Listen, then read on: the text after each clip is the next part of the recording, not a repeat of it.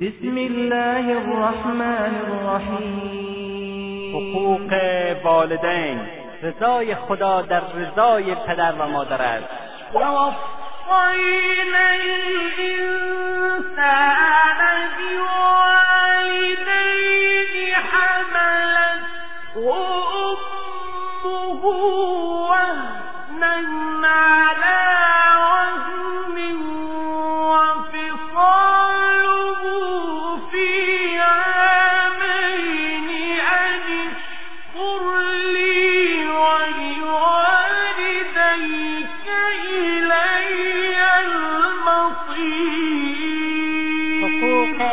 والدین. و به انسان درباره پدر و مادرش سفارش کردیم. مادرش به او باردار شد با ضعفی بر بالای ضعفی و از شیر باز گرفتنش در دو سال است.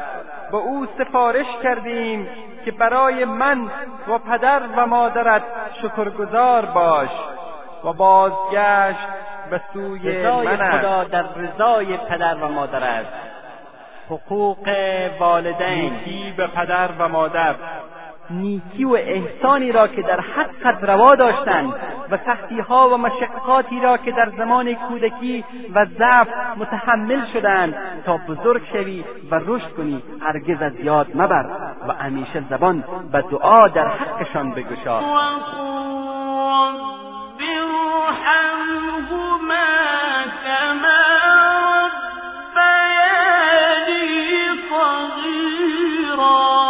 حقوق والدین. بر مسلمان آگاه و دوراندیش لازم و ضروری است که از والدینش فرمانبرداری کرده و از نافرمانیشان دوری گزیند و اطاعت آنها را بر اطاعت از هر کسی دیگر حد جمله همسرش مقدم بدارد. والدین نیکی به پدر و مادر.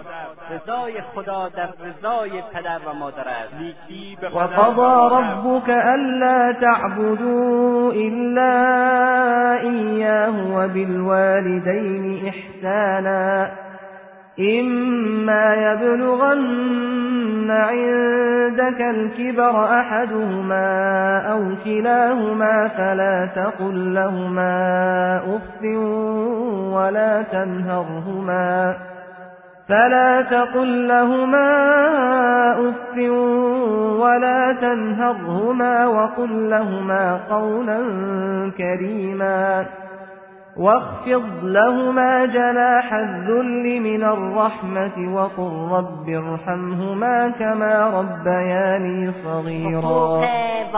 هرگاه یکی از آن دو و یا هر دوی ایشان نزد تو به سن پیری برسند پس وای بر تو اگر سخنی بگویی که ناراحتشان کند. یا به آنان بدی روا داری و به آنان به خاطر آنچه دوست نداری فریاد مزن. کمترین اهانتی به ایشان مکن و حتی سبکترین تعبیر نامؤدبانه همچون اف به آنها مگو و بر ایشان فریاد مزن. و با سخنان محترمانه با آن دو سخن بگو و بال تواضع و مهربانی را برایشان فرود آور و بگو پروردگارا اینک که ضعیف و جست و پناهی ندارند به ایشان مرحمت فرما. همان گونه که آنها در کوچکی به ضعف و کودکی من رحم کردند و مرا تربیت و بزرگ نمودند حقوق والدین.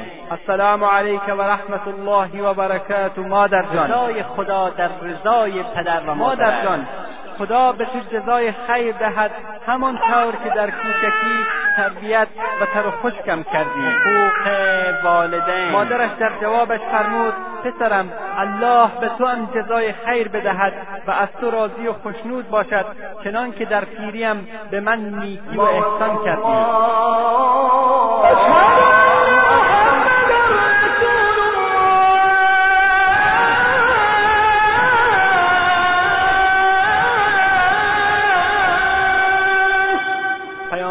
صلی الله علیه و آله و سلم مرا به ده کلمه سفارش فرمودند. به خدا شرک نورد حتی اگر کشته شوی یا به آتش سوخته شوی و نافرمانی پدر و مادرت را مکن حتی اگر به تو دستور دادند که دست از خانواده و ثروتت بکشی.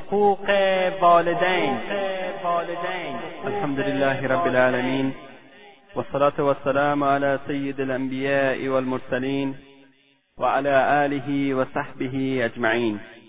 برادران و خواهران مسلمان السلام علیکم و رحمت الله و برکاته. حقوق پدر و مادر و یا والدین از جمله ارزشهای والای اسلامی و انسانی می باشد. و جز فطرت سالم بشر است که در کتاب باری تعالی قرآن کریم و در سنت متحر رسول الله صلی الله علیه و آله و سلم بر آن تاکید فراوان شده است. مقام والدین به اندازه والا و عظیم می باشد که خداوند تبارک و تعالی در چند جای قرآن کریم بعد از ذکر عبادت ذات اعظم خیش به نیکی به پدر و مادر امر نموده است. ولی متاسفانه در این زمانه به دلیل تاثیر مسلمانان از فرهنگ کفار و دوری از دستورات الهی عدهای اصلا به حقوق پدر و مادر توجهی ندارند. حتی گاهی شنیده می شود که بعضی آ پدر و مادر خود را اذیت می کنند که بنا به دستورات خداوند تبارک و تعالی و وعده رسول الله صلی الله علیه و آله و سلم این انسانها در دنیا قبل از آخرت گرفتار عذاب الهی می شوند و ما بران شدیم تا این موضوع مهم را خدمت برادران و خواهران و خاصتا نسل جوان تقدیم کنیم و در پرتو قرآن و حدیث حقوق والدین را بیان نماییم تا باشد که برادران و خواهران مؤمن ما به حقوق پدر و مادر خود آشنا شوند و با کسب رضایت آنها رضایت الله سبحانه و تعالی را کسب نمایند. یکی از مهمترین اموری که فرد مسلمان باید به آن توجه داشته باشد ادای حقوق والدین است. مسلمان باید بداند که اسلام به گونه بر مقام و منزلت پدر و مادر افزوده که بشریت تا به حال نظیر آن را ندیده است. این مقام والا بلا فاصله بعد از ایمان به خدا و طاعت و عبادت ذات واحدش میآید. در قرآن کریم آیات بیشماری وجود دارد که خوشنودی پدر و مادر را درست بعد از رضایت و خوشنودی خداوند سبحان قرار می‌دهد و به این ترتیب بر فضیلت نیکی و احسان به والدین می افزاید. خداوند تبارک و تعالی میفرماید واعبدوا الله ولا تشركوا به شیئا و بالوالدین احسانا و تنها خدا را عبادت کنید و هیچ چیزی را شریک او نکنید و نیکی کنید به پدر و مادر.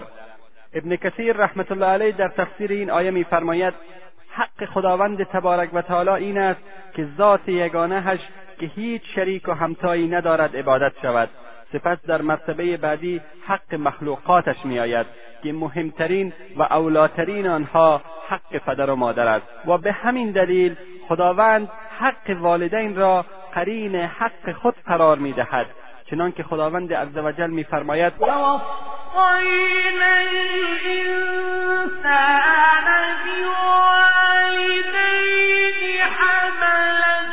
الإنسان بوالديه حملته أمه وهنا على وهن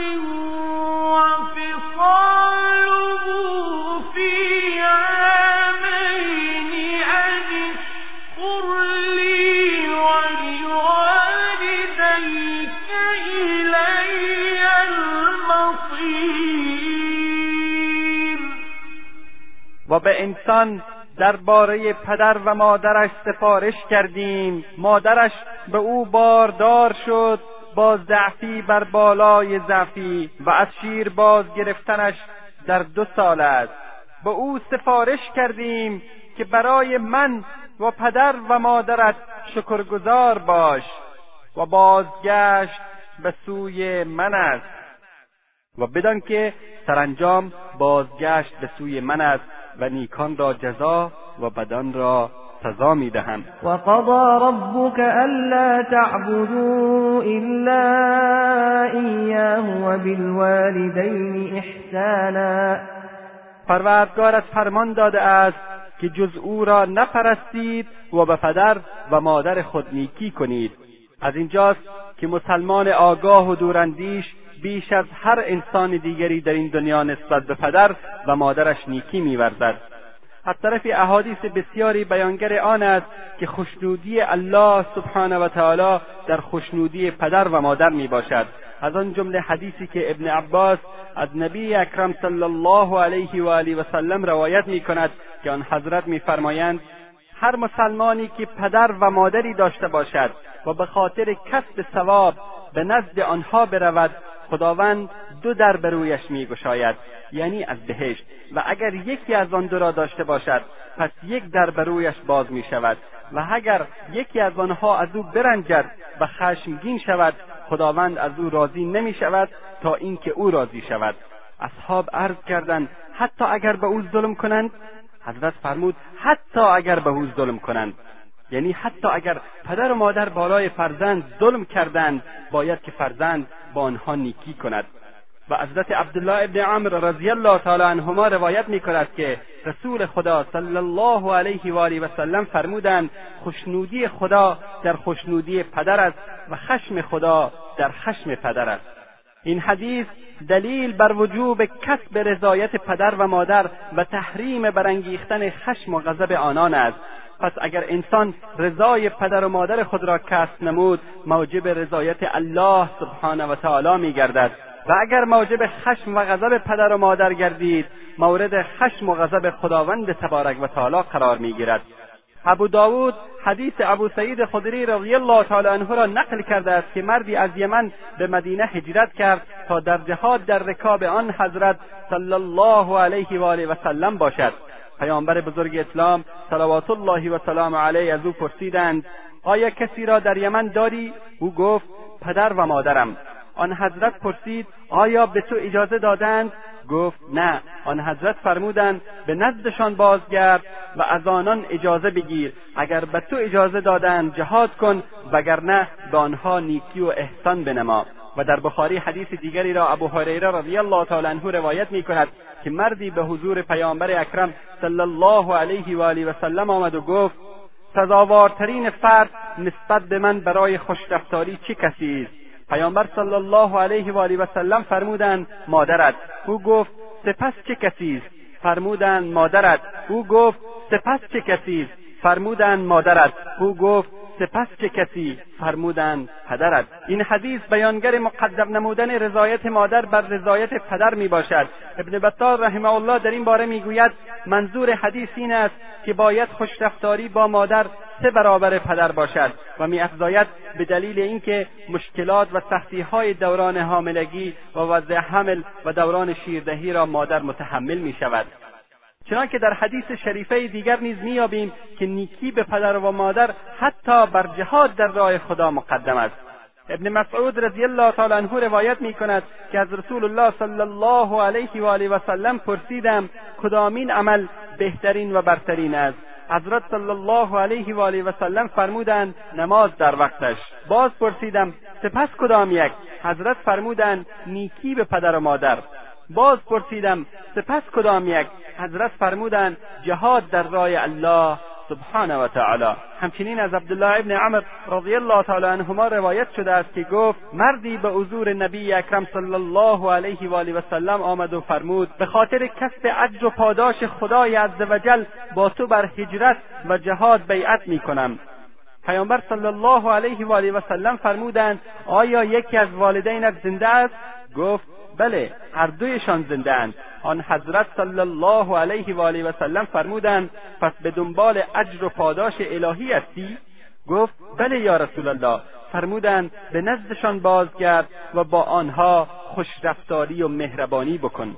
در سنن نسایی و مسند امام احمد از معاویه ابن جاهمه سلمی نقل شده است که جاهمه به نزد پیامبر اکرم صلی الله علیه و آله و سلم آمد و گفت ای رسول الله آمدم تا درباره شرکت در جهاد با تو مشورت کنم.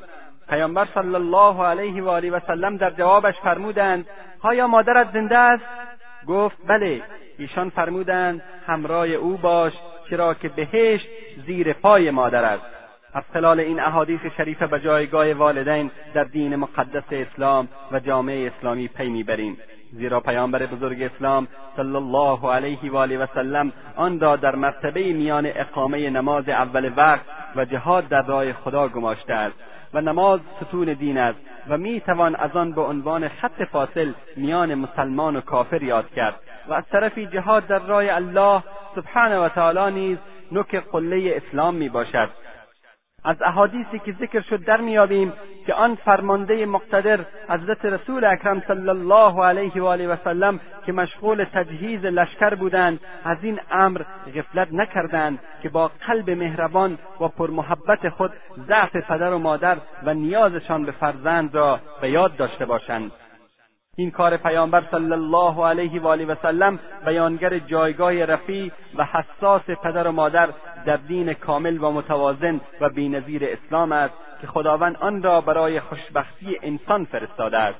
یکی دیگر از موارد نیکی به پدر و مادر مقدم نمودن آنان بر دیگران در انفاق است. خداوند سبحان میفرماید یسألونک ماذا ینفقون قل ما أنفقتم من خير فللوالدين والأقربين واليتامى واليتامى والمساكين وابن السبيل. وما تفعلوا من خير فإن الله به عليم. از تو می‌پرسند چه چیزی را صدقه و انفاق کنند بگو آنچه از پسندیده صدقه و انفاق می‌کنید از آن پدر و مادر است درباره شأن نزول این آیه ابن جریر رحمه الله از ابن جریح نقل کرده است که مسلمانان از رسول اکرم صلی الله علیه و آله و سلم پرسیدند که مال و داراییشان را چگونه صرف کنند که این آیه نازل شد. برخی از مسلمانان پرسیدند که باید اموالشان را برای چه کسانی انفاق کنند که خدای عزوجل در جواب سوالشان آیه قل ما انفقتم من خیر را نازل فرمود.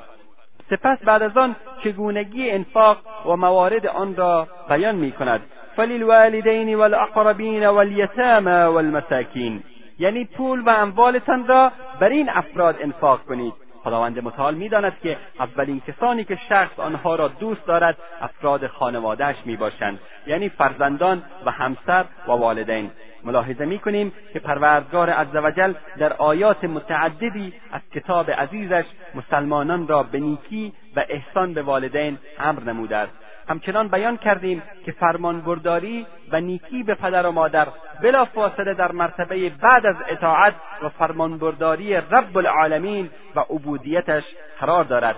خداوند تبارک و تعالی میفرماید تنها خدا را عبادت کنید و هیچ چیزی را شریک او نکنید و نیکی کنید به پدر و مادرتان. و قضا ربک الا تعبدوا الا ایاه و بالوالدین احسانا ای انسان پروردگارت فرمان داده است که جز او تعالی را نپرستید و به پدر و مادر خود نیکی کنید.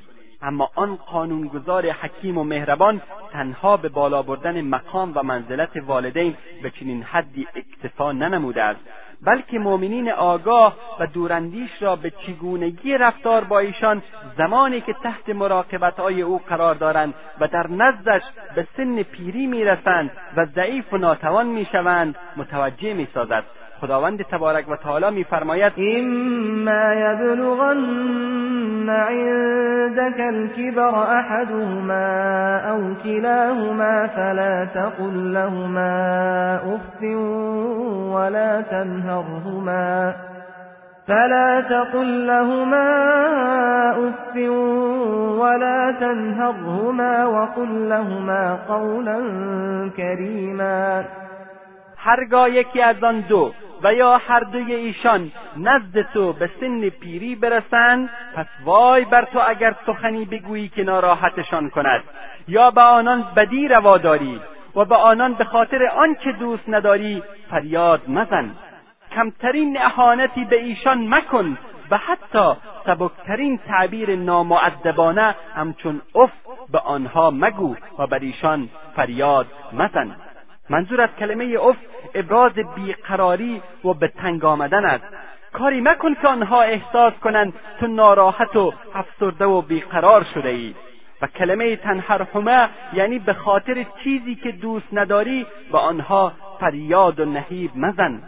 نه تنها باید از انجام چنین اعمالی خودداری کنی بلکه باید با سخنان نیکو و پسندیده جوابشان را بدهی تا بدین وسیله قلبشان را شاد ساخته و آنها را راضی و خوشنود سازی که در این باره الله سبحانه و تعالی میفرماید و قل لهما قولا کریما و با سخنان محترمانه با آن دو سخن بگو آری ای برادر و خواهر مسلمان بر شما واجب است که محترمانه و مطیع و با خشوع و خضوع در جلب پدر و مادرتان بایستید. واخفض لهما جناح الذل من الرحمة وقل رب ارحمهما كما ربياني صغيرا. و بال تواضع و مهربانی را برایشان فرود آورد. همچنین نیکی و احسانی را که در حقت روا داشتند و سختی ها و مشقاتی را که در زمان کودکی و ضعف متحمل شدند تا بزرگ شوی و رشد کنی هرگز از یاد مبر و همیشه زبان به دعا در حقشان بگشا.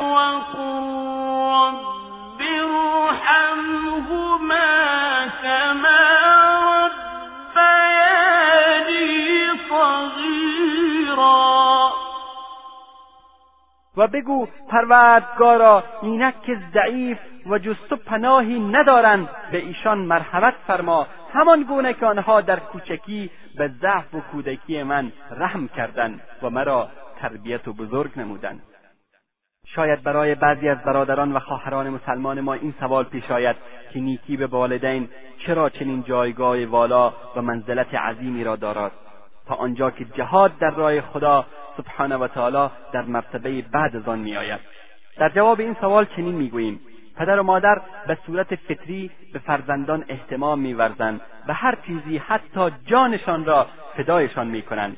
همانطور که علف سبز تمام غذای دانه را میمکد و آن را پوچ می‌سازد و جوجه تمام غذای تخم را میمکد و آن را به پوستی تبدیل می‌کند. فرزندان نیز شیره و سلامتی و توان و توجه پدر و مادر را به طور کامل میمکند و آنان را پیر و فرتود مینمایند اگر عجل به آنها مهلت دهد و با این وجود پدر و مادر شاد و خوشحالند.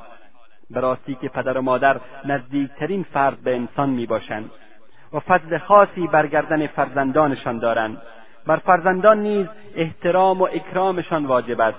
اما این بدان معنا نیست که در معصیت الله سبحانه و تعالی و سرپیچی از فرامین نیز از آنها اطاعت کنند.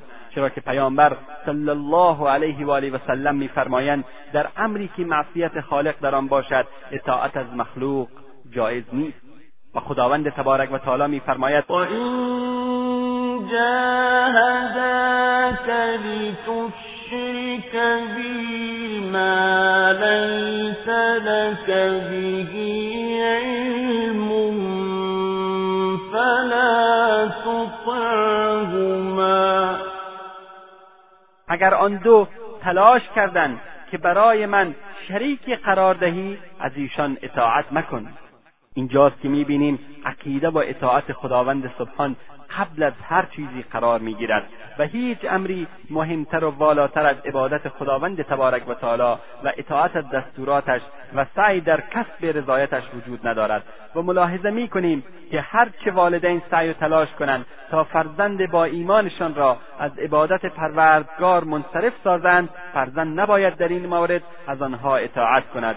زیرا اطاعت و فرمانبرداری خداوند اولویت دارد چرا که او تعالی به وجود آورنده حقیقی فرزندان است و پدر و مادر سببهای ظاهری می باشند اما این اختلاف عقیده به معنای عدم اطاعت از والدین یا نیکی نکردن و احترام نگذاشتن به آنها نیست. خداوند سبحان میفرماید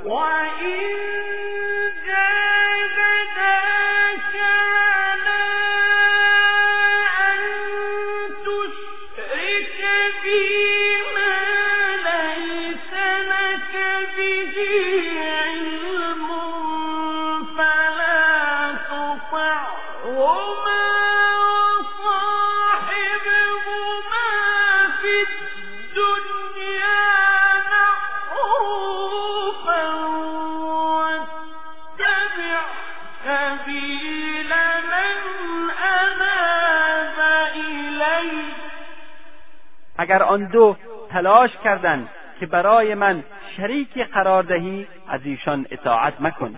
و با ایشان در دنیا به طرز شایسته و به نیکی رفتار کن. یعنی در زندگانی دنیا با خوشرفتاری و احسان به ایشان معاشرت کن حتی اگر مشرک باشند. چرا که کفر آنها به ذات اقدس الهی به معنی از بین رفتن سختی ها و مشقت هایی که در راه تربیت فرزندان متحمل شدند و یا انکار نیکی پدر و مادر نمی باشد رسول اکرم صلی الله علیه و آله و سلم با ارشادات گرانبهایشان به بلندی قله انسانیت صعود می کنند زیرا نیکی و احسان به والدین را حتی اگر دینی غیر از اسلام داشته باشند سفارش می نمایند در حدیثی اسما دختر ابوبکر صدیق رضی الله تعالی عنهما آمده است. گفتم ای رسول الله مادرم متمایل یا حراسان به نزدم آمده است. آیا با او ارتباط برقرار کنم؟ پیامبر صلی الله علیه و آله و سلم فرمودند بله. به این ترتیب پیوند به خاطر الله سبحانه و تعالی بالاترین پیوند است و رابطه ای به خاطر خداوند تبارک و تعالی همان دستگیره محکم است. پس اگر والدین مشرک بودند باید به آنها نیکی و احسان کرد نه اطاعت و پیروی. و این زندگانی چند روزه دنیا به پایان می‌رسد و همگی به الله سبحانه و تعالی برمیگردند. بعد از اینکه از خلال آیات قرآنی و احادیث نبوی به اهمیت احسان و نیکی به پدر و مادر پی بردیم به ذکر نکاتی می‌پردازیم که رعایت آنها بر هر مسلمان مؤمن و درستکاری در معاشرت با والدینش لازم و ضروری است. باشد که با مراعات نمودن چنین نکاتی قسمت بسیار کوچکی از دینی را که پدر و مادر بر گردن فرزند دارند ادا نماییم. اول اطاعت و فرمانبرداری از آنها و عدم نافرمانی آنها. بر مسلمان آگاه و دوراندیش لازم و ضروری است که از والدینش فرمانبرداری کرده و از نافرمانیشان دوری گزیند و اطاعت آنها را بر اطاعت از هر کسی دیگر حد جمله همسرش مقدم بدارد. دوم احسان و نیکی به ایشان در گفتار و کردار. سوم فروتنی در مقابلشان. باید با تواضع و فروتنی با آنها رفتار کنیم. چهارم دوری از خشم و ناراحت ساختن آنها. چه از طریق گفتار و چه از طریق کردار. پنجم گوش فرا دادن به سخنانشان. به طوری که کاملا به سخنانشان گوش فرا دهیم و کلامشان را قطع نکنیم و حرفهایشان را تکذیب ننماییم. ششم ابراز خوشنودی از انجام اوامرشان و به زبان نیاوردن کلمه اف یا هر سخنی که حاکی از نارضایتی باشد. زیرا که خداوند تبارک و تعالی میفرماید فلا تقل لهما اف ولا تنهرهما وقل لهما قولا کریما. کمترین اهانتی به دیشان مکن و حتی سبکترین تعبیر نامعدبانه همچون اف به آنها مگو و بر ایشان فریاد مزن و آنان را از پیش خود دور نساز. هفتم خوش برخوردی با آنها. با گشادرویی و نرمی و مهربانی با آنها روبرو شویم نه با چهرههای عبوس و گرفته و با غم و اندوه. هشتم ابراز دوستی و محبت نسبت به ایشان. مثل پیش دستی در سلام کردن بوسیدن دست و صورتشان دست دراز نکردن به غذا قبل از آنها را نرفتن در جلوشان. نهم نشستن با ادب و احترام در برابرشان. مثل درست نشستن دراز نکردن پا قهقه نخندیدن انجام ندادن کارهای زشت و ناپسند و به طور کلی هر کاری که از ادب و دور باشد. دهم بدون منت خدمت بذل و بخشش نمودن با آنها. چرا که منت نهادن باعث از بین رفتن اعمال صالح و نیکو می شود. خصوصا اگر در حق والدین باشد. و فرزندان باید هر چه دارند تقدیم والدینشان نمایند و در صورت نداشتن و توانایی از آنها عذرخواهی و پوزش بطلبند. یازدهم مقدم نمودن مادر در نیکی. این مفهوم را از حدیث ابو هریره رضی الله تعالی عنه که در بخش اول با آن اشاره نمودیم در میابیم. آنجا که شخصی به نزد رسول الله صلی الله علیه و آله و سلم آمده و می‌پرسد چه کسی سزاوارترین فرد نسبت به من برای خوشرفتاری است و ایشان در جواب ابتدا سه بار متوالی از مادر و سپس از پدر یاد کردند که این خود بیانگر اهمیت نیکی به مادر قبل از پدر می باشد و دلیل این مقدم شمردن شاید به خاطر مشکلات دوران بارداری زایمان و سپس دوران شیردهی باشد. شاید هم گفته شود در احسان و نیکی مادر برتری و فضیلت دارد و در اطاعت و فرمانبرداری پدر مقدم می شود چرا که پدر مسئول خانه و فرمانده کشتی زندگی می باشد. اسلام به دو دلیل نیکی به مادر را بر نیکی به پدر مقدم شمرده است. اول اینکه مادر با مشکلات بارداری زایمان شیردهی تربیت و انجام کارها و امور فرزندان بیشتر از پدر سر و کار دارد که این مفهوم را می‌توان در این آیه صراحتا بیابیم. فوصينا الإنسان بوالديه حملته أمه وهنا على وهن وفصاله في عامين. أن اشكر لي ولوالديك إلي المصير. ما به انسان درباره پدر و مادرش سفارش کرده ایم. مادرش به او عامله شده است و اردم به ضعف و سستی تازهای دچار آمده است. پایان دوران شیرخارگی او دو سال است. که هم سپاسگزار من و هم سپاسگزار پدر و مادرت باش و بازگشت به سوی من است دوم اینکه مادر بیش از پدر نسبت به فرزندش مهر و محبت روا دارد به همین دلیل اسلام فرزندان را به نیکی و محبت نسبت به مادر بیشتر توصیه و سفارش می نماید چرا که حتی اگر فرزند نافرمان هم باشد اما در انگامی که مصیبت و سختی برایش پیش می آید مادر همه چیز را از یاد می‌برد. این امر چنان آیز اهمیت است که ابن عباس فقیه امت رضی الله تعالی عنهما نیکی و احسان به مادر را از نزدیکترین اعمال به ذات اقدس الله سبحانه و تعالی برشمرده است.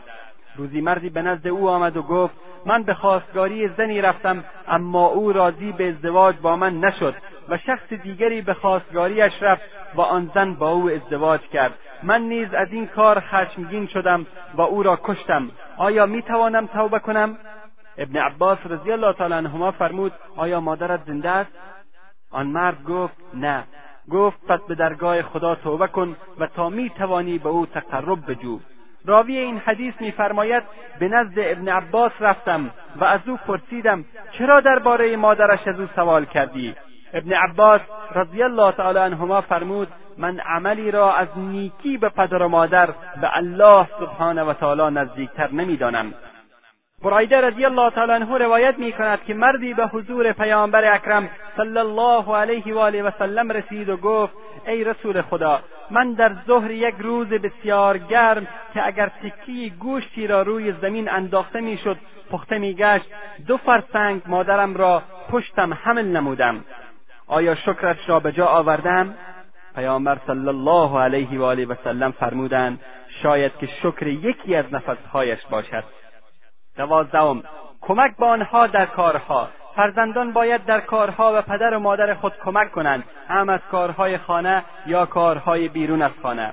سیزدهم دوری از جنگ و دعوا و پرخاش و مشاجره در جلوشان. فرزندان باید دور از چشم والدین مشکلاتشان را با یکدیگر حل کنند تا باعث ناراحتی والدین نشوند. چهاردهم پاسخ دادن به ندایشان. باید به محض اینکه ندایشان را شنیدند پاسخ گویند. بعضیا وقتی مشغولند به ندای والدینشان جواب نمی‌دهند. گویی که نمیشنوند. و اگر مشغول نباشند پاسخ می‌گویند که این کار نادرست و اشتباه و گناه بزرگی می باشد پانزدهم عادت دادن فرزندان به نیکی به پدر و مادر. باید از سنین کودکی به فرزندانمان بیاموزیم که با پدر و مادر خود خوشرفتار و خوش برخورد باشند. می توانیم با رفتار صحیح خود و نیکی و احسان به والدینمان نمونه و الگوی خوبی برای فرزندان خود باشیم. شانزدهم آشتی دادن و برطرف کردن کدورتها میان پدر و مادر. فرزندان باید همواره در صدد استحکام بخشیدن روابط میان والدین خود باشند و در صورت بروز مشکلات و کدورتها آن را برطرف ساخته و با کردار و گفتار درست صلح و آشتی را در میان والدین برقرار سازند. هفدهم اجازه خواستن قبل از ورود به اتاقشان. شاید یکی از آنها در حالتی باشد که دوست ندارد کسی او را با چنین وضعی ببیند. هجدهم یادآوریشان به ذکر الله. باید آنچه را که از تعلیمات دین حنیف اسلام نمی‌دانند با آنها بیاموزیم. با نرمی و مهربانی آنها را امر به معروف و نهی از منکر کنیم و از معصیت خداوند باز داریم و اگر قبول نکردن و سر باز زدن در برابرشان صبر را پیشه سازیم. نوزدهم اجازه گرفتن از آنها و مشورت با ایشان در هر کاری چرا که آنها با تجارب خود می توانند ما را به سرمنزل مقصودمان برسانند و با راهنماییهایشان ما را از همنشینی دوستان ناباب بر حذر دارند. اطاعت از آنها در این مورد الزامی است خصوصا زمانی که دلیلی ارائه دادند یا از روی علم و آگاهی سخن گفتند. بیستم حفظ آبرویشان. به این صورت که با افراد صالح و مؤمن و نیکوکار نشست و برخاست داشته باشیم و از همنشینی با افراد ناصالح و دوستان ناباب و رفتن به اماکن خطرناک و مشکوک خودداری نماییم. بیست یک دوری از نکوهش و سرزنش آنها. به عنوان مثال اگر اشتباهی از آنها سرزد آنها را سرزنش و ملامت نکنیم و اگر در کاری مقصر بودند و اهمال ورزیدند ملامتشان ننماییم. بیست و دو. انجام اعمالی که باعث خوشنودی آنها می شود اگرچه که آنها تقاضا نکنند. مثلا پذیرش بخشی از مسئولیتهای خانه نگهداری و مراقبت از خواهر و برادر کوچک تقدیم هدیه به ایشان یا هر کاری که باعث خوشنودی و خوشحالی آنها می شود بیست و سه درک شخصیت و شناخت خلق و خوی آنها. با شناخت شخصیت آنها می توانیم از خشمگین کردن آنها دوری کنیم و با فهم خلق و خوی آنها می توانیم مطابق میلشان با آنها رفتار نماییم. بیست و پنج دعا و طلب آمرزش بسیار برای آنها در حیاتشان. خداوند تبارک و تعالی در این مورد میفرماید وقل رب ارحمهما کما ربیانی صغیرا و بگو پروردگارا اینک که ضعیف و جز تو پناهی ندارند به ایشان مرحمت فرما. همان گونه که آنها در کوچکی به ضعف و کودکی من رحم کردند و مرا تربیت و بزرگ نمودند.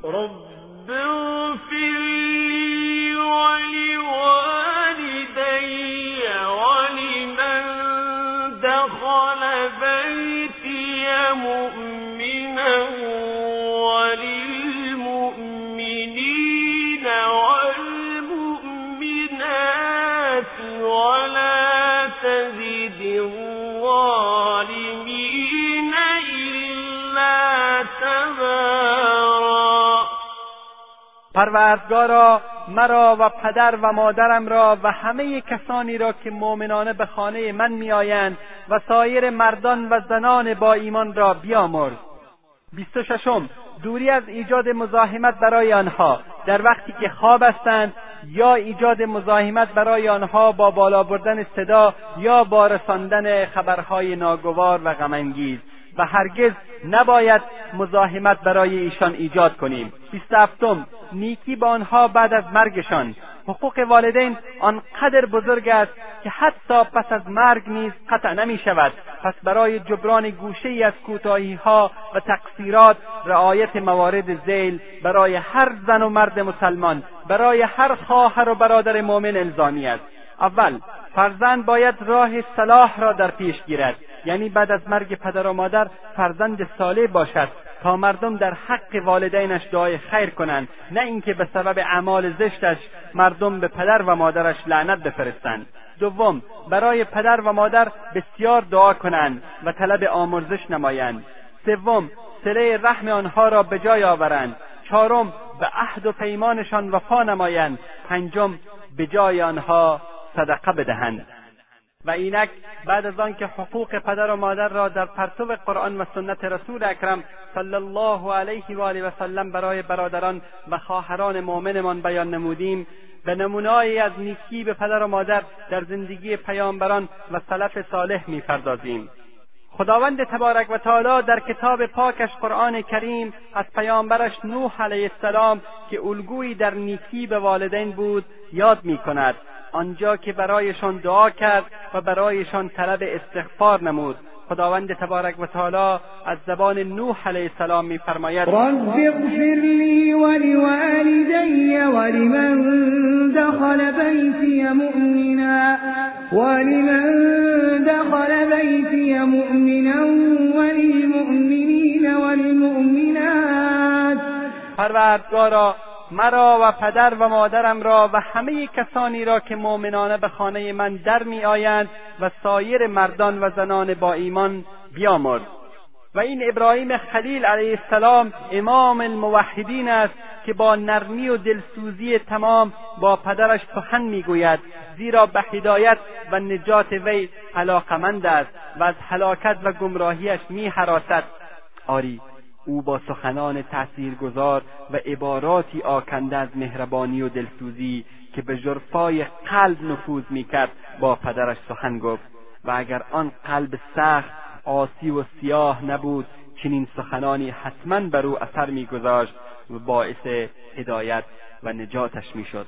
و نگاهی نیز به داستان حضرت اسماعیل ابن ابراهیم علیهم السلام میاندازیم که زیباترین و دلانگیزترین مثال نیکی در تاریخ بشریت را به خود اختصاص داده است. آنجا که پدرش به او گفت یا بنی اینی ارا فی المنام انی اذبحك فانظر ماذا ترى قال یا ابت افعل ما تؤمر ستجدنی شاء الله من الصابرین. ابراهیم به او گفت فرزندم من در خواب چنان می‌بینم که باید تو را سر ببرم و قربانیت کنم. در پاسخ پدر جواب آن پسر صالح و مؤمن چه بود؟ آیا سستی و تنبلی به خرج داد یا تردد و اهمال ورزید؟ نه بلکه با سراحت تمام فرمود ای پدر کاری که به تو دستور داده می شود بکن. به خواست خدا مرا شکیبا و صبور خواهی یافت. روایت شده است که وقتی حضرت ابراهیم علیه السلام از آنچه در خواب دیده بود یقین پیدا کرد رو به پسرش کرد و فرمود پسرم این تناب و تبر را بردار تا به این دره برویم و ایزم جمع کنیم. وقتی در دره صبیر با او تنها شد او را از آنچه فرمان داده شده بود مطلع ساخت و زمانی که خواست او را ذبح کند اسماعیل فرمود پدر جان مرا محکم ببند تا تکان نخورم و لباست را از من دور کن تا به خون آغشته نشود و مادرم لکه خون را بر لباست نبیند. کاردت را تیز کن و به سرعت گلویم را ببر تا آسانتر ذبح شوم و اگر به نزد مادرم رفتی سلامم را به او برسان. حضرت ابراهیم به فرزندش فرمود تو یاور خوب پدرت هستی فرزندم. سپس در حالی که اردو میگریستند به طرف اسماعیل رفت و چاقو را بر گلویش نهاد. ولی چاقو نبرید. او دو یا سه بار با سنگی چاقویش را تیز کرد ولی گویی چاقو کند بود و به هیچ وجه نمی برید در این هنگام پسر به پدر گفت پدر صورتم را به طرف زمین برگردان. چون وقتی به من مینگری به من رحم و شفقت می‌کنی و این نرمی میان تو و دستور پروردگار متعال قرار می‌گیرد و من نیز به چاقو نمینگرم و ترس و وحشت نمی‌کنم. ابراهیم همین کار را کرد و چاقو را بر پشت گردن اسماعیل گذاشت. در این هنگام چاقو واژگون شد و ندا آمد. و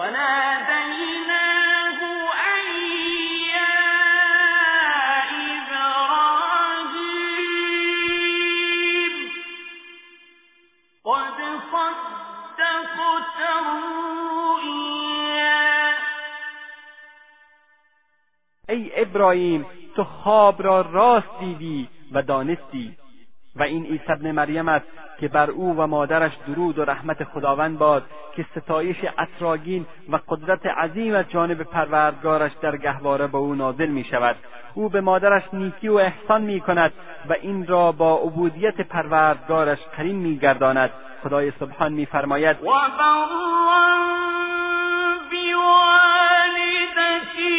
ولم يجعلني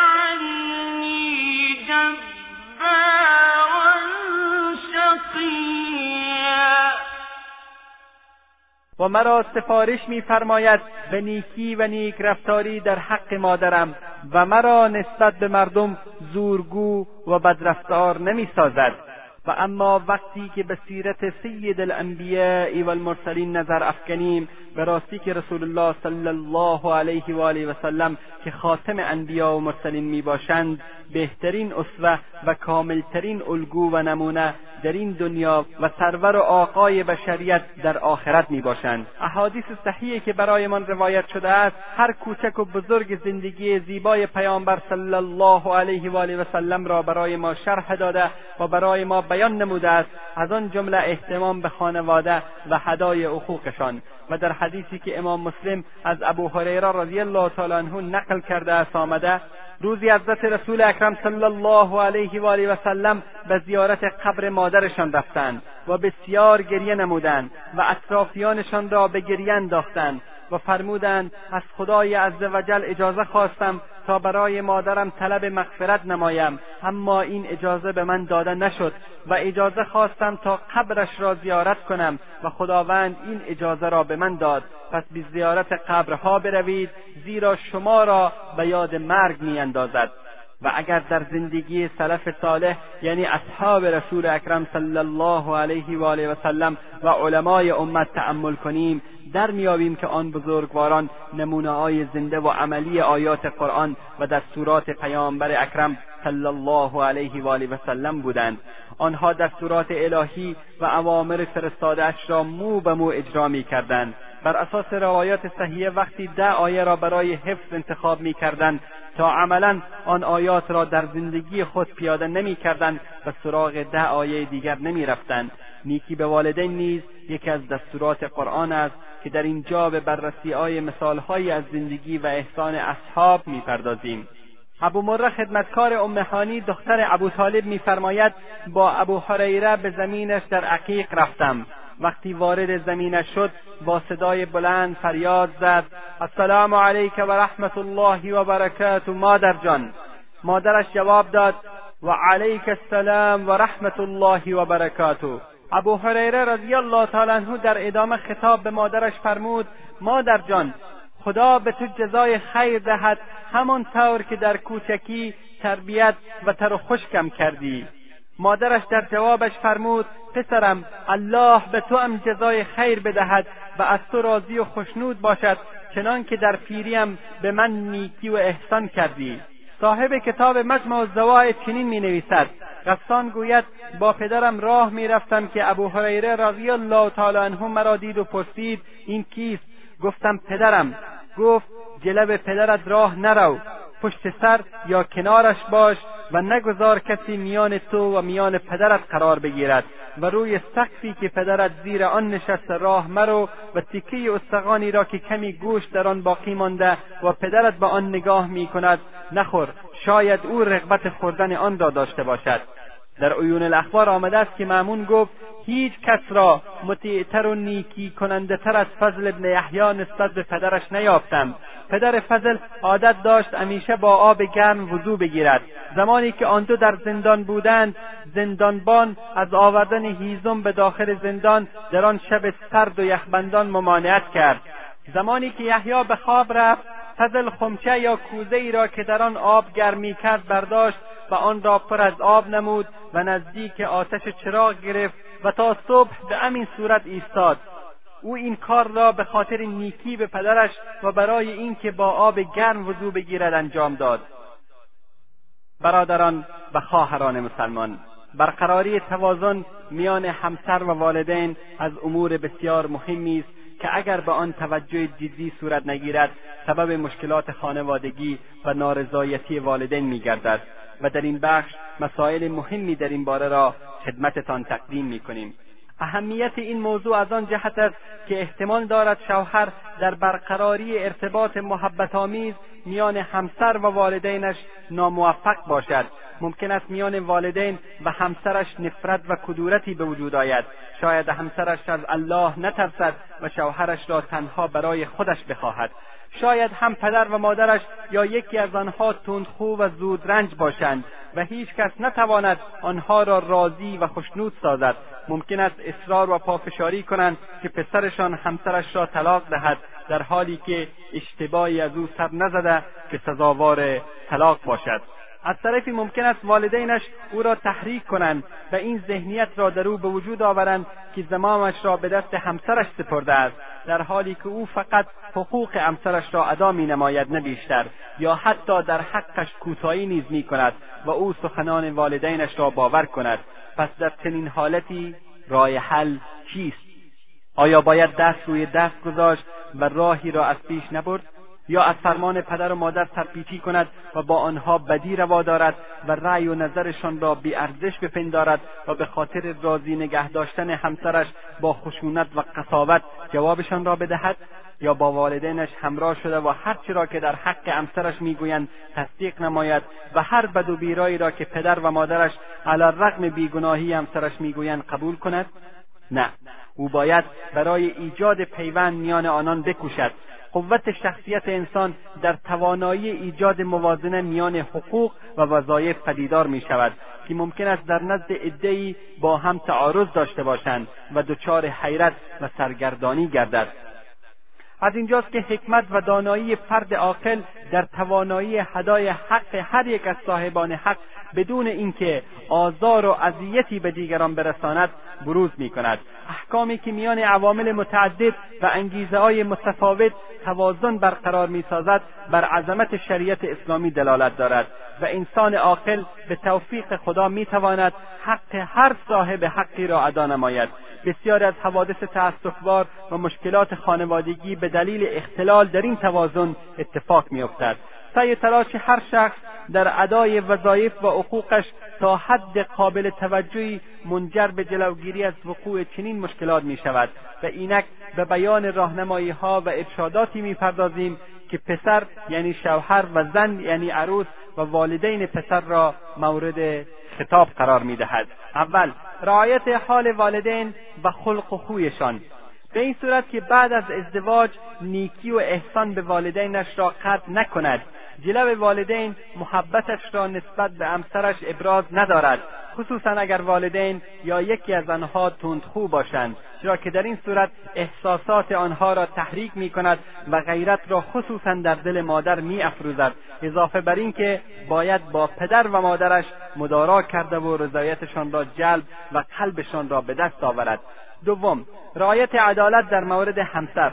باید حقوق همسر را بداند و نباید هر آنچه را که از والدینش درباره وی میشنوند باور کند بلکه باید نسبت به او حسن زن داشته باشد و از صحت گفتههای آنان مطمئن شود. سوم ابراز محبت. به عنوان نمونه به همسرش سفارش کند که به والدینش هدیه بدهند یا خودش هدایایی را تهیه کرده و به همسرش بدهد تا آنها را به والدینش خصوصا مادر تقدیم نماید. این امر دلها را نرم می کند و کینه ها را از بین می‌برد و محبت و مودت را جلب نموده و بدگمانی را میزداید.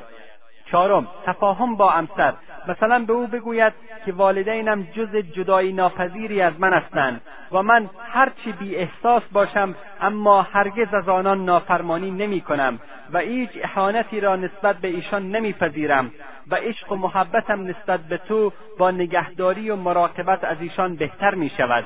همچنین به همسرش یادآوری کند که او نیز روزی از روزها مادر خواهد شد و شاید چنین وضعی برایش پیش آید. در این صورت دوست دارد چگونه با او رفتار شود؟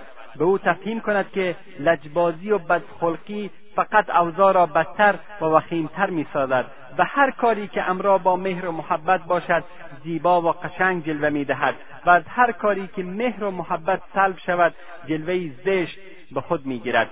متاسفانه عدهای از جوانان که خداوند هدایتشان دهد همین که ازدواج کردن پدر و مادر را فراموش می‌کنند و هم غم آنها امسرشان میگردد و شاید روزها و ماهها بگذرد و حتی حال پدر و مادر خود را نپرسند که این عمل مخالف دستورات دین مبین اسلام و فرموده های خداوند تبارک و تعالی و رسول اکرم صلی الله علیه و آله و سلم و خلاف مروت و انسانیت است. و سبب عذاب در دنیا قبل از آخرت می شود و خواهران گرامی ما که به عنوان عروس و همسر به خانه بخت می‌روند وظیفه بس سنگین و مهمی دارند.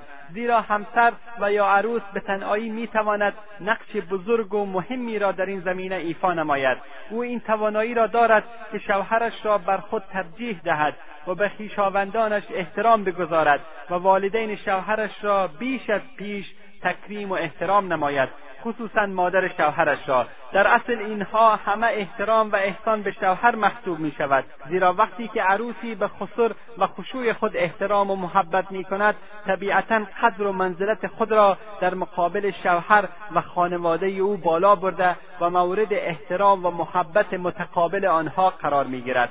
از آنجا که حق شوهر بر گردن زن از حق پدر و مادر زن بر گردنش بیشتر است. و از آنجا که شوهر موظف به حفظ رابطه خویشاوندان دوستان و نزدیکان پدرش می باشد تا روابط اجتماعی امت تقویت شود. پس همسر نیز برای تقویت روابط زناشویی شرعا موظف است این روابط را حفظ نموده و به دوستان نزدیکان و خویشاوندان شوهرش احترام بگذارد. از طرف احترام همسر به والدین شوهرش که همسن و سال پدر و مادر او می باشند جز اخلاق و رفتارهای اصیل اسلامی است که دلیل بر نجابت و اصل و نسب و شرافت می کند و اگر او فقط به خاطر جلب رضایت شوهر یا به دست آوردن مودت نزدیکان و دوری از جنگ و جدایی این کار را بکند علاوه بر اینها از دعای خیر نیز بهرهمند خواهد شد. اضافه بر این همسر و یا عروس بزرگوار و فهمیده ارگز فراموش نمی کند که این زنی که او را رقیب خود در مورد شوهرش می‌داند مادر همان شوهرش هست که هر چند بیعاطفه باشد نمی‌تواند مادرش را نادیده بگیرد. مادری کو را نه ماه در شکمش داشته و با شیرش به او تغذیه داده و مهر و محبتش را نثارش داشته است و خود را فدای نگهداری و مراقبت از او ساخته تا تبدیل به مردی با قامتی راست و استوار گشته است خواهر گرامی عروس محترم بدان که او مادر فرزندان تو نیز می باشد زیرا او مادر کلانشان است. و رابطه تنگاتنگی میانشان وجود دارد. پس خوب نیست که مثل یک انباق با او رفتار کنی چون او نیز متقابلا مثل یک انباق با تو رفتار خواهد کرد. مادر شوهرت را مادر خود بدان تا او تو را دخترش بداند. شاید گاهی اوقات تلخی بدخلقی یا تندی از مادر سر بزند که در مقابل تنها کاری که از دختر میآید صبر و تحمل و طلب آمرزش و ثواب آخرت می باشد زمانی که آداب اسلامی در خانه و خانواده ای رواج پیدا کند هر کس وظایف و حقوقش را بداند خانواده در مسیر خوشبختی حرکت خواهد کرد و غالبا زندگیشان شیرین و خوشایند خواهد بود. بدان و آگاه باش ای خواهر محترم ای عروس گرامی که شوهرت خانوادهاش را بیشتر از خانوادهت دوست دارد و این امری که کاملا طبیعی و نباید به خاطر این او را سرزنش کنی زیرا تو نیز خانوادهت را بیشتر از خانواده شوهرت دوست داری. پس مواظب باش تا خانوادهاش را خار و بیارزش نشماری یا آزار و اذیتی به آنها نرسانی یا اینکه در ادای حقوقشان کوتاهی نورزی. چون این امر سبب نفرت وی و دوری تو از خانوادهت می شود در واقع کوتاهی همسر در احترام خانواده شوهر کوتاهی در حق شخص شوهر می باشد و اگر در شروع شوهر واکنشی از خود بروز ندهد ولی حتما محبت وی نسبت به همسرش کم و تیره می شود عروس گرامی اگر تو از نافرمانی شوهرت نسبت به والدینش و بدرفتاریت با پدر و مادرش راضی هستی آیا راضی می‌شوی که زن برادر آیت با مادرت چنین رفتاری داشته باشند نه تنها این بلکه آیا میپسندی که عروسهایت در پیری چنین برخوردی با تو داشته باشند؟ اما همسر با ایمان و صالح در همکاری با شوهر و نیکی و احسان به پدر و مادرش به توفیق خداوند باعث حل مشکلات و فرونشاندن تشنجات خانوادگی میگردد و سبب انسجام خانواده و از میان رفتن شکافها و فاصله ها می شود چون هنگامی که والدین شاهد محبت صادقانه و مهر سرشار عروسشان باشند هرگز این کار نیک را از یاد نخواهند برد. این در حالی است که در حقیقت بسیاری از والدین عروسهایشان را مثل دخترهایشان یا شاید بیشتر دوست می‌دارند و چنین حالتی جز با یاری الله سبحانه و تعالی و ذکاوت و دانایی و دوراندیشی آن عروسان و مواظبتشان بر خوشرفتاری با پدر و مادر شوهرشان صورت نمیپذیرد. یکی از مواردی که به عروس کمک می کند تا قلب پدر و مادر شوهرش را فتح کند صبر در برابر تندیا و طلب اجر دعا و پاداش و توجه به عواقب کارهایش می باشد این است که با آنها خوش صحبت بوده و به سخنانشان گوش فرا می‌دهد و با نرمی سخن گفته و در سلام کردن پیش دستی می نماید و همیشه دست به دعا برداشته و از خداوند منان خواستار آن می باشد که قلب آیشان را به سویش متمایل ساخته و او را در خوشرفتاری با ایشان یاری کند. اما بعد از اینکه مدتی را در گلستان نیکی به پدر و مادر سپری کردیم می‌خواهیم اندکی درباره نافرمانی از پدر و مادر صحبت کنیم. گرچه این بخش سبب ناراحتی هر انسان با ایمان و مسلمانی میگردد. زیرا وقتی این صفحه زیبای نورانی و سرشار از مهر و محبت به والدین را ورق می‌زنیم با صفحه سیاه و تاریک نافرمانی پدر و مادر مواجه می‌شویم. این صفحه قلب و وجدان فرزند نافرمان را به لرزه میاندازد. نافرمانی از والدین مقارن با شرک است چنانکه نیکی با آنها مقارن با ایمان به خدا حساب می شود پس نافرمانی جرم سنگین و وحشتناکی است که وجدان مسلمان را تکان می‌دهد و عقل از سر او میپراند. نافرمانی بزرگترین گناه و بدترین خطاست. ابوبکر از پدرش روایت می کند که فرمود رسول الله صلی الله علیه و آله و سلم فرمودند آیا شما را از بزرگترین گناهان کبیره مطلع نسازم آیا شما را از بزرگترین گناهان کبیره مطلع نسازم این جمله را سه بار پیامبر صلی الله علیه و آله و سلم تکرار فرمودند اصحاب گفتند آری ای رسول الله پیامبر صلی الله علیه و آله و سلم فرمودند شرک به الله و نافرمانی از پدر و مادر و در اینجا برخی از موارد نافرمانی از پدر و مادر را برایتان بیان می‌داریم. اول ناراحت و غمگین ساختن والدین. چه با گفتار و چه با کردار تا آنجا که باعث گریه و حزنشان شود. فریاد زدن و راندنشان یا بلند کردن صدا و با خشم و غضب صحبت کردن. زیرا خداوند تبارک و تعالی میفرماید فلا تقل لهما اف ولا تنهرهما وقل لهما قولا کریما و بر آنان نحیب و بانگ مزن و با سخنان محترمانه با آن سخن بگو. سوم برآوردن کلمه اف و ناراحت شدن از انجام اوامرشان. خداوند تبارک و تعالی ما را از این کار بسیار نهی فرموده است. چه بسیارند افرادی که در برابر خواسته یا فرمان والدینشان با وجود اطاعت و فرمانبرداری از آنها کلمه اف از دهانشان خارج می شود در حالی که خداوند تبارک و تعالی میفرماید کمترین اهانتی به ایشان مکن و حتی سبکترین تعبیر نامعدبانه همچون اف با آنها مگو. چهارم نباید که در حضور پدر و مادر بداخلاق باشیم. عدهای در بسیاری از مجالس و در نزد بیگانگان بسیار خندرو و شاش و خوش اخلاقند. بهترین سخنها را برمیگزینند و سخنان شیرین بر زبان میآورند. اما وقتی وارد منزل می‌شوند و در حضور والدینشان هستند تبدیل می‌شوند به درندهای که به هیچ چیز اهمیت نمی‌دهد و میخروشند. دگرگون می‌شوند. وقار را از دست می‌دهند و بزرگواریشان و خنده و خوشحالیشان ناپدید می شود و خشم و غضب جای آن را می‌گیرد. این چنین افراد مصداق این سخن شاعر عربی می باشند که میفرماید برخی از مردم به دورترین ها پیوند برقرار می کنند ولی نزدیکترین ها را به فلاکت و بدبختی می کشانند پنجم نگاه تند به آنها. کم محبتی و برخورد خشونتآمیز با ایشان و به چشم حقارت و پستی به ایشان نگریستن معاویه ابن اسحاق از عروت ابن زبیر رضی الله تعالی عنه آورده است که میفرماید کسی که نگاه تند به پدرش بیندازد نیکی به پدرش را رعایت نکرده است. ششم دستور دادن به والدین مثل اینکه به مادرش دستور می‌داد تا خانه را جارو بزند یا لباسش را بشوید یا غذایش را بپزد. چنین کاری اصلا درست نبوده و گناه کبیر است.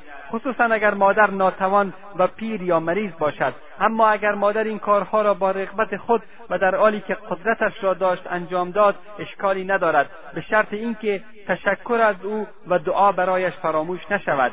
هفتم انتقاد و عیبجویی از دست پخت مادر.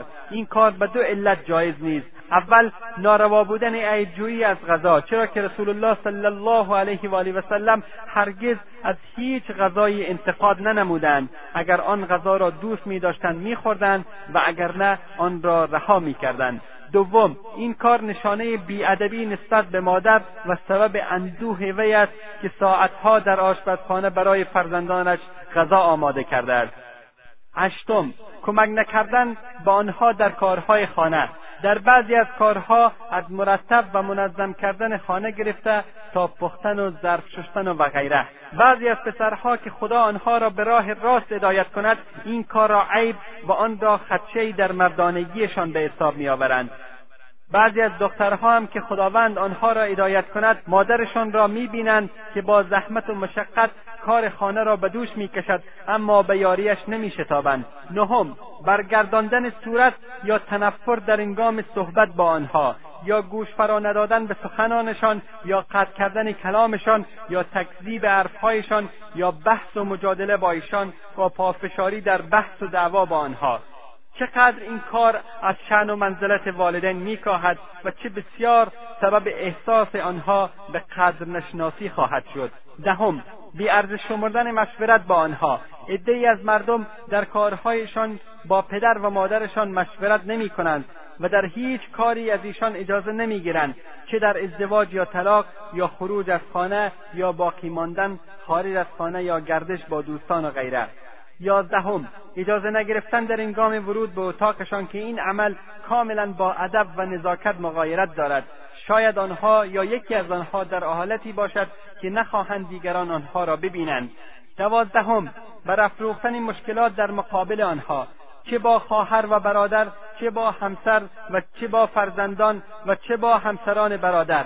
بعضیا دوست دارند دیگران را به خاطر اشتباهاتی که از آنها سر زده فقط در حضور والدینشان توبیخ نمایند. بدون شک که این کار آنها را نگران و خواب را از چشمانشان میرو باید سیزدهم مذمت والدین در نزد مردم و تهمت زدن و عیبجویی نمودن از آنها.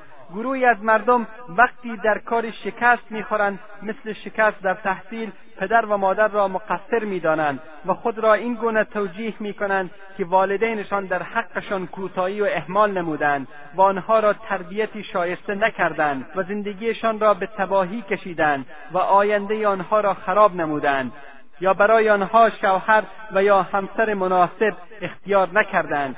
که همه این اعمال جز گناهان کبیره محسوب میگردد و فرزند در مقابل خداوند تبارک و تعالی به عذاب سخت گرفتار می شود چهاردهم دشنام و نفرین کردن پدر و مادر چه به طور مستقیم چه به طور غیر مستقیم که سبب این کار زشت و قبیح شوند. مثلا پدر یا مادر فلان کس را دشنام می‌دهند و آن فرد نیز متقابلا والدین او را دشنام می‌دهد. پانزدهم آوردن وسایل فسق و فجور به خانه مانند افلام و موسیقی که این عمل نه تنها سبب فساد شخصی شده بلکه ممکن است سایر افراد خانواده را نیز به فساد و تباهی بکشاند که این به نوبه خود سبب سختی و شقاوت والدین به سبب فساد فرزندان خانواده می شود شانزدهم اتکاب منکرات و فسق و فجور در جلب پدر و مادر. مثل استعمال سیگرت یا نسوار و استعمال آلات لحو و لعب در حضورشان یا خوابیدن در هنگام نماز فرض و بیدار نشدن برای ادای نماز در صورتی که او را بیدار کنند.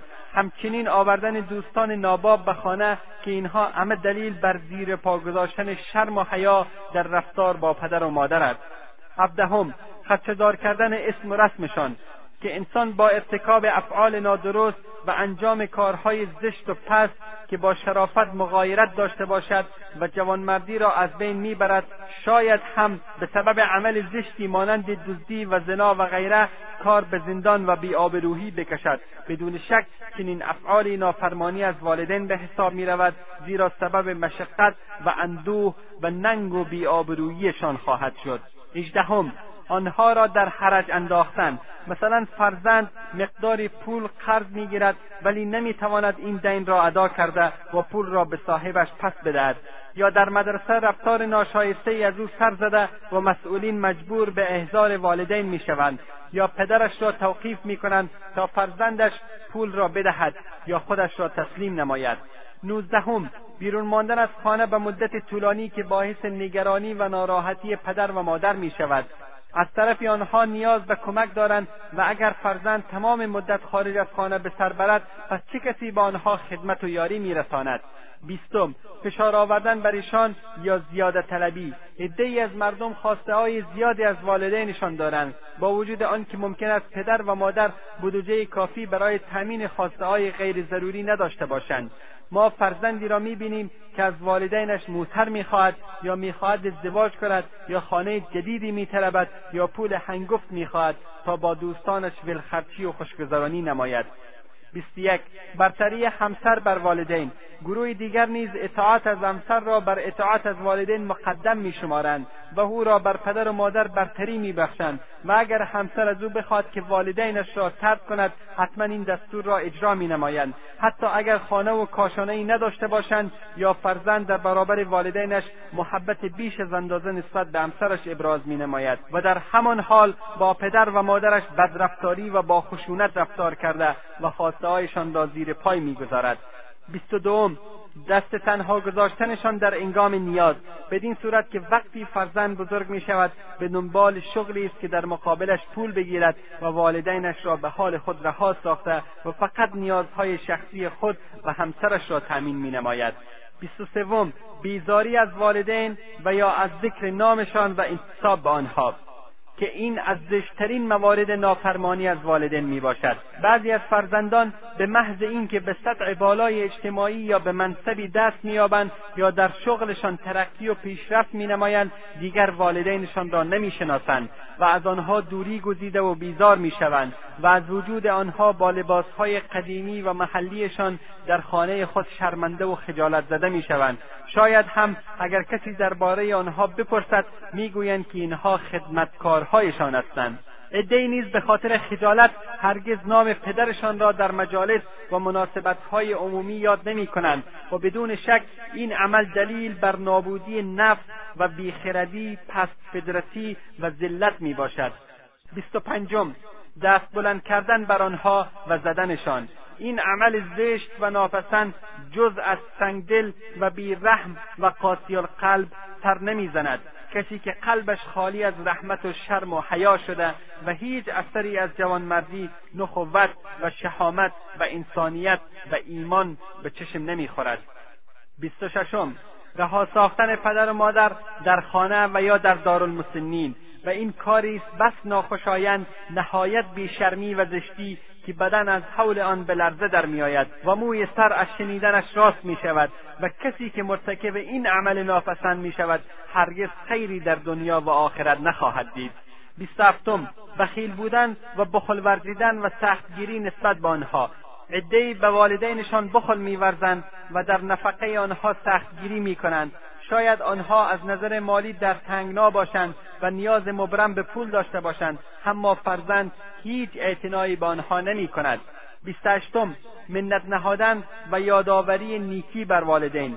گروهی از مردم به پدر و مادرشان نیکی می کنند اما این کارشان را با منت نهادن آزار دادن و یادآوری نیکی با دلیل یا بدون دلیل از بین می‌برند. بیست و دزدی از پدر و مادر که شامل دو کار حرام است. یکی دزدی و دیگری نافرمانی. برخی از مردم وقتی به پول نیاز دارند به سرقت و دزدی از پدر و مادرشان که پیرند و غافل روی میآورند. یکی از نمونه های سرقت از والدین این است که فرزند آنها را فریب دهد و پول یا زمین یا هر چیزی گرانبهای دیگر را از آنها بگیرد و یا از آنها پول قرض کند اما قصد بازگرداندن دین را نداشته باشد. سیوم آه و ناله کردن در برابرشان که این عمل از جمله بدترین نافرمانی و عقوق والدین می باشد چون بیماری و درد فرزند آنها را خصوصا مادر را نگران می کند و شاید آنها درد بکشند. سی و یکم. به دیار غربت رفتن بدون اجازه و بدون ضرورت. بعضی از فرزندان آثار و نتایج دوری از والدین را بر آنان نمی‌دانند و بدون اجازه آنها و بیدلیل به دیار غربت رفته و شاید بدون سبب از کشوری که پدر و مادرش در آن زندگی می کند مسافرت نماید یا برای ادامه تحصیل به کشور دیگری می‌روند. علیرغم اینکه ادامه تحصیل در کشوری که والدینشان در آنجا زندگی می کنند ممکن باشد. آنها نمی‌دانند که دوری از پدر و مادر سبب حسرت و نگرانیشان خواهد شد و نمی‌دانند که شاید یکی از والدینشان یا هر دو زمانی که در دیار غربت به سر می‌برد بمیرند و او فرصت نیکی و احسان به آنها و مراقبت و نگهداریشان را از دست بدهد. اما اگر مسافرت فرزند لازم و ضروری بود در صورت اجازه گرفتن زیشان اشکالی ندارد.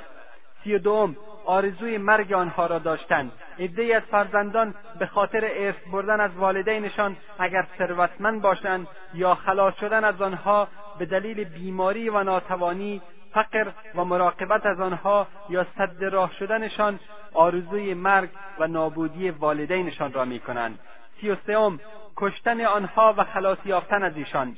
ممکن است فرزندی بسیار بدبخت و سنگدل باشد که آنها یا یکی از آن دو را به خاطر جهالت و نادانی یا خشم و غضب یا در حالت مستی یا به خاطر به چنگ آوردن میراث بکشد و مرتکب این عمل زشت و پست شود. اینها بعد از موارد نافرمانی والدین بود. این کارهای زشت که هرگز لایق عاقلان و مسلمانان نیست. و از هیچ انسان با تقوا و صالح و هدایت شده ای سر نمی‌زند. چقدر خیر و برکت از کسی که نافرمانی پدر و مادرش را بکند دور است و او چقدر به عقاب و جزای الهی نزدیک می باشد شایان ذکر است که این مسئله کاملا محسوس می باشد و بسیاری از مردم آن را می دانند و با چشم سر آن را مشاهده کرده و داستانهای واقعی از افرادی که عذاب شده و تاوان عمل زشتشان را در مقابل پدر و مادر پس دادند در دنیا قبل از آخرت. از آنجا که نافرمانی والدین از گناهان کبیره است خداوند عزوجل آن را قرین شرک قرار داده. پس نتایج وخیمی نیز چه در دنیا و چه در آخرت به امرای خود دارد. در اینجا به ذکر احادیث و روایاتی می‌پردازیم که در آن سرانجام کسی که از پدر و مادرش نافرمانی و سرپیچی کند به وضوح بیان شده است. عبدالله ابن ابی اوفا رضی الله تعالی عنه میفرماید نزد پیامبر صلی الله علیه و آله و سلم نشسته بودیم که شخصی به نزد آن حضرت آمد و فرمود جوانی در حال احتضار است و نفسهای آخرش را می‌کشد. به او گفتند بگو لا اله الا الله ولی نتوانست. پیامبر صلی الله علیه و آله و سلم فرمودند آیا نمازش را می‌خواند؟ گفتند بله. ما به همراه پیامبر برخواستیم تا به نزد جوان برویم. پیامبر صلی الله علیه و آله و سلم به بالین جوان رفتند و به او گفتند بگو لا اله الا الله. او گفت نمی‌توانم. پیامبر صلی الله علیه و آله و سلم فرمودند چرا؟ گفتند او نافرمانی پدر و مادرش را مینموده است آن حضرت فرمودند آیا مادرش زنده است؟ گفتند بله. ایشان فرمودند او را به اینجا بیاورید. مادر آن جوان را فرا خواندند. او به نزد رسول الله صلی الله علیه و آله و سلم آمد و ایشان خطاب به او فرمودند این پسرت است. مادر گفت بله. پیامبر صلی الله علیه و آله و سلم فرمودند اگر آتش بسیار بزرگ و سوزانی شعلهور شده باشد و به تو گفته شود که اگر شفاعتش را بکنی او را رها می‌کنیم و در غیر این صورت او را با این آتش سوزان میسوزانیم. آیا شفاعتش را می‌کنی؟ مادر آن جوان گفت اگر چنین است شفاعتش را می‌کنم ای رسول خدا. پیامبر صلی الله علیه و سلم فرمودند پس خدا و مرا شاهد بگردان که از او راضی شدی. زن گفت پروردگارا من تو و فرستاده را شاهد می‌گیرم که من از پسرم راضی و خوشنود شدم. در این هنگام پیامبر صلی الله علیه و آله و سلم فرمودند ای پسر بگو لا اله الا الله وحده لا شریک له و اشهد ان محمدا عبده و رسوله. جوان شهادتین را گفت پیامبر صلی الله علیه و آله و سلم فرمودند خدایا تو را سپاس می‌گوییم که به وسیله من او را از آتش نجات دادی. و عبدالله ابن عمر رضی الله تعالی عنهما از پیامبر اکرم صلی الله علیه و آله و سلم نقل کردند که ایشان فرمودند شخص منتگزار در نیکی و احسان و شخص نافرمان از والدین و شخصی که معتاد به نوشیدن شراب است هرگز وارد بهشت نمی شود و از معاذ ابن جبل رضی الله تعالی عنه روایت است که فرمود پیامبر صلی الله علیه و آله و سلم مرا به ده کلمه سفارش فرمودند. به خدا شرک نورد حتی اگر کشته شوی یا به آتش سوخته شوی و نافرمانی پدر و مادرت را مکن. حتی اگر به تو دستور دادند که دست از خانواده و ثروتت بکشی. از عبدالله ابن عمر رضی الله تعالی عنهما روایت شده است که پیامبر صلی الله علیه و آله و سلم فرمودند از گناهان کبیره ناسزا گفتن و دشنام دادن شخص به والدینش است. گفتند ای رسول الله آیا شخصی پدر و مادرش را دشنام می‌دهد؟ فرمودند بله پدر دیگری را دشنام می‌دهد و او در مقابل پدرش را دشنام می‌دهد. به مادر دیگری ناسزا می‌گوید و او در مقابل به مادرش ناسزا می‌گوید. و از ابی بکر رضی الله تعالی عنه روایت شده است که از رسول الله صلی الله علیه و آله و سلم شنیدم که فرمودند خداوند تمام گناهان را به اندازهای که بخواهد به روز قیامت موکول می کند مگر نافرمانی از والدین؟ که جزای آن را در زندگی و قبل از مرگ بر صاحبش نازل میگرداند. از عوام ابن حوشب رضی الله تعالی عنه روایت شده است که فرمود روزی به محله ای رفتم که در کنارش گورستانی بود و معمولا بعد از عصر قبر شکافته شده و مردی از آن خارج می‌شد که سرش سر خر و جسمش جسم انسان بود و سه بار ارعر می‌کرد و سپس قبر او را به خود میبلعید و در همان نزدیکی پیرزنی بود که مو یا پشمی را میریسید. زنی گفت آیا آن پیرزن را می‌بینی؟ گفتم او را چه شده است؟ گفت او مادر این مرد است. گفتم داستانش از چه قرار است؟ گفت آن مرد بسیار شراب می نوشید و مادرش به او می گفت پسرم از الله بترس تا به کی می‌خواهی شراب بنوشی؟ و او در جواب مادرش می گفت تو مثل خر ارعر می کنی زن ادامه داد او بعد از عصر مرد و از آن روز به بعد هر روز بعد از عصر قبرش شکافته شده و از قبر بیرون میآید و سه بار ارعر می کند و سپس دوباره به داخل قبر می رود و مغیره بن شعب رضی الله تعالی عنه از رسول خدا صلی الله علیه و آله و سلم روایت کرده است که ایشان فرمودند خداوند عزوجل حرام گردانیده بر شما نافرمانی مادران و زنده به گور کردن دختران را. برادران و خواهران مسلمان. در کتاب صحیح مسلم داستان جالبی از تابعی جلیل القدر اویس قرنی ذکر گردیده است که جالب است برایتان ذکر کنیم تا مقام والای پدر و مادر را درک نمایید. اویس قرنی به دیدار رسول الله صلی الله علیه و آله و سلم مشرف نگردید. ولکن پیامبر صلی الله علیه و آله و سلم به اصحاب کرام رضی الله عنهم اجمعین بشارت دادند که بهترین تابعین مردی است که نامش اویس است. او به مادرش نیکی می کند اگر با او ملاقات کردید از او بخواهید که برایتان طلب استغفار کند. آری حضرت اویس قرنی رضی الله تعالی عنه با اینکه برایش امکان پذیر بود و عهد عهد نبوی بود. باز هم موفق به دیدار سردار دو جهان حضرت محمد صلی الله علیه و آله و سلم نشد. آیا مسلمانی است که علاقه شوق و خواهش زیارت و دیدار رسول الله صلی الله علیه و آله و سلم در دلش نهفته نباشد؟ خواهش نه بلکه بیقرار و شوریده نباشد. اما از طرف فرمانروا دستور می‌رسد که شما به دیدار ما نیایید شما میباید به مادرتان خدمت کنید. اکنون اویس به مادر خود خدمت می کند و به دیدار رسول الله صلی الله علیه و آله و سلم نمی رود چرا؟ زیرا به او دستور داده شد که در مقابل فرمان ما گردن نهید. فرمان همین است که به مدینه نیایید. حکم ما این است که به خدمت محمد صلی الله علیه و آله و سلم نیایید. ایشان را زیارت نکنید و به گفته پیامبر صلی الله علیه و آله و سلم عمل کنید و به پدر و مادر خود خدمت نمایید.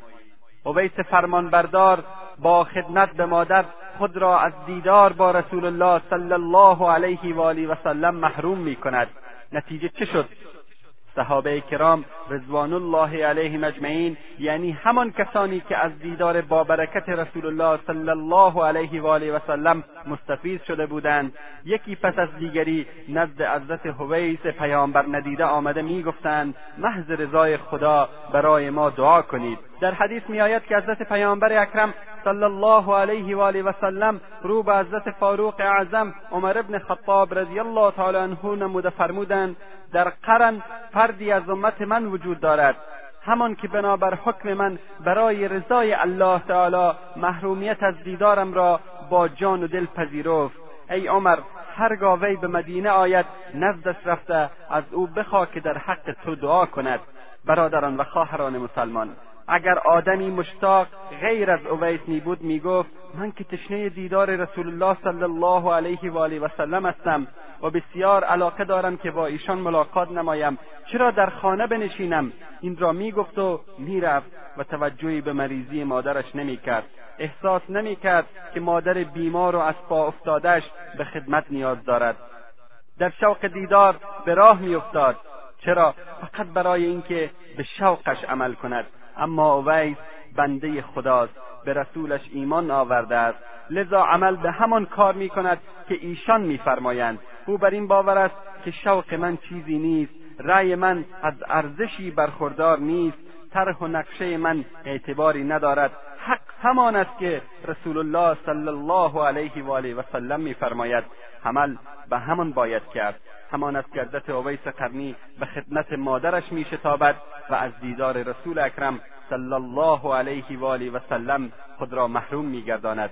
ولکن به سبب همین خدمت لقب بهترین تابعین را از رسول اکرم صلی الله علیه و آله و سلم نصیب خود میگرداند و صاحب این مدال افتخار میگردد که اصحاب کرام به خدمت او میشتابند تا برای ایشان دعای مغفرت نماید. برادران و خواهران مسلمان. با شنیدن این موضوع شاید هر یک از شما مروری کوتاه به زندگی خود بکند بلکه واجب است که نفس خود را محاسبه نموده ببینید که خدای ناکرده مرتکب گناهی بس بزرگ که همان نافرمانی پدر و مادر است نشده باشید که انشاءالله نشده اید. اما اگر خدای ناخواسته شما کوتاهی در مقابل والدین سر زده باشد و آنها زندن بدون محتلی به خدمتشان حاضر شده و از آنچه که از شما سر زده از آنها معذرت بخواهید و به درگاه خداوند تبارک و تعالی توبه کنید تا او تعالی شما را ببخشد و کوشش کنید مادامی که پدر و مادرتان زندهاند در حیاتشان رضایت قلبی آنها را کسب نمایید.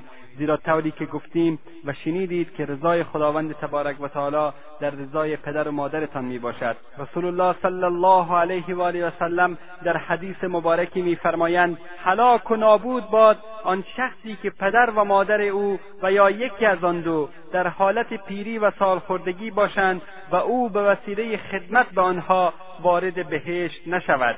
اما اگر پدر و مادر و یا یکی از آنها فوت کردند باید در ضمن توبه از اعمال ناشایستی که سر از خداوند تبارک و تعالی بخواهید که شما را ببخشد و در حق پدر و مادر دعا نموده و خاصتا در نمازها و اعمال صالحه همیشه آنها را به یاد آورید. و برایشان صدقه بدهید تا باشد که الله تبارک و تعالی از سر تقصیرتان بگذرد و در روز قیامت روزی که مال و زن و اولاد به درد انسان نمی‌خورد الله سبحانه و تعالی از ما راضی گردد.